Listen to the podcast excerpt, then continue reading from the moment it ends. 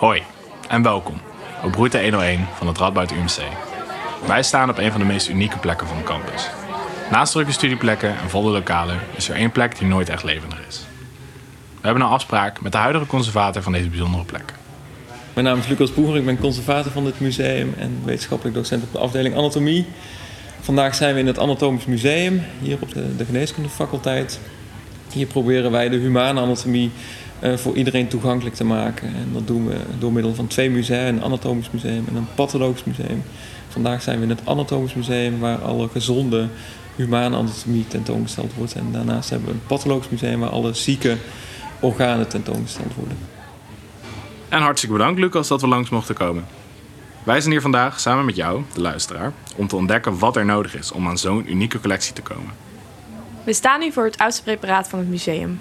Een preparaat is een menselijk lichaam of een deel daarvan, wat op een speciale manier is klaargemaakt om bewaard te worden. Lucas, waar kijken we nu precies naar?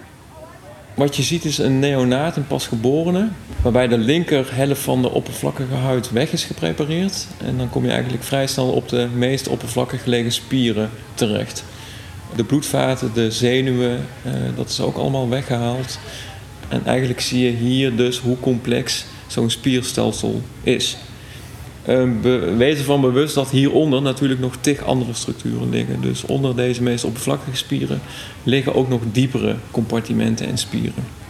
Hier niet te zien, um, omdat hier destijds in de jaren 50 is dit preparaat geprepareerd door de eerste conservator overigens. En ook het oudste preparaat van het museum daardoor. Daar is bewust voor gekozen om het zo oppervlakkig te laten puur omdat het esthetisch is daar ook over nagedacht. Hoe wordt dit uh, door de bezoeker gepercipieerd en hoe wordt hiernaar gekeken? Nou, wij weten niet zo heel veel van anatomie af, dus kan je ons uitleggen wat nou juist dit preparaat zo bijzonder maakt? Naast dat je alle oppervlakkige spiertjes uh, heel goed ziet, hè, uh, zie je ook een rond bolletje op het wangetje zitten. Dat is het vetkwapje van Bichat. Bichat was een, een, eh, een Franse anatoom, die vond dat dan. Hè. En, uh, het is altijd leuk om aan de bezoeker of die student dan te vertellen of te vragen: wat denken jullie?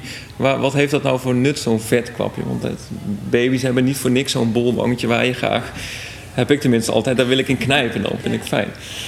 Um, dat zit daar omdat een kindje natuurlijk aan de borst of aan de fles zuigt. En dat bolletje wat daar in dat wangetje aanwezig is, dat maakt dat er volume in dat mondje blijft.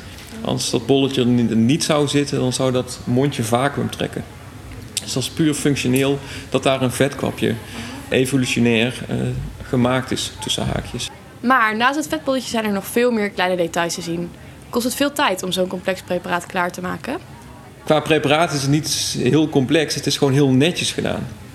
En, en daar gaat de tijd in zitten. Uh, maar hoe lang? Uh, Jan Vellinger is in 86 al overleden, dus ik weet het niet hoe lang hij erover heeft gedaan. Maar um, we weten wel dat um, dit meerdere malen uit die bak is gehaald. Dus het is uh, steeds, dat is beschreven in onze oude boeken, het is steeds weer eruit gehaald en opnieuw afgewerkt. Opnieuw uitgeprepareerd om het nog mooier te maken. Totdat er eindelijk bijna een soort van perfectie ontstaat in de prepareerwereld. Juist. En om die perfectie te bewaren wordt er een speciale vloeistof gebruikt, formaline. Formaline is een oplossing van formaldehyde in water. Maar wat gebeurt er met zo'n preparaat nadat jullie het in de formaline hebben gezet?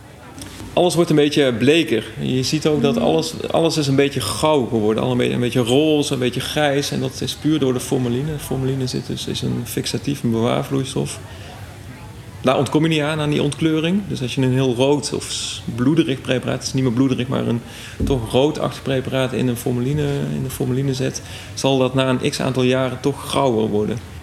En hoe lang kan zo'n preparaat eigenlijk bewaard blijven?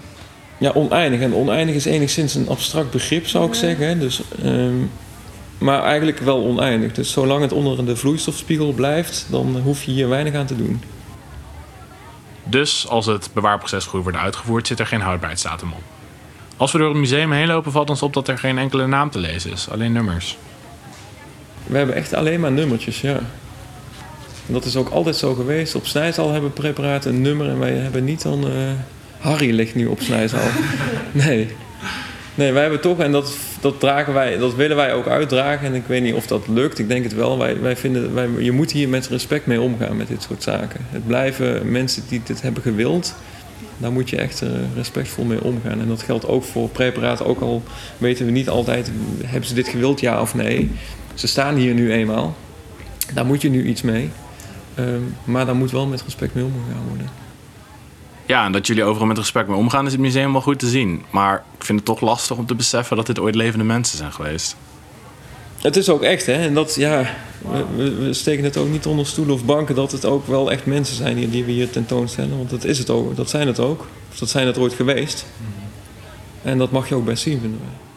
Wil je toch graag beeld bij het verhaal van deze podcast? Check dan even de pagina van het Anatomiemuseum via de website van het Radboud UMC.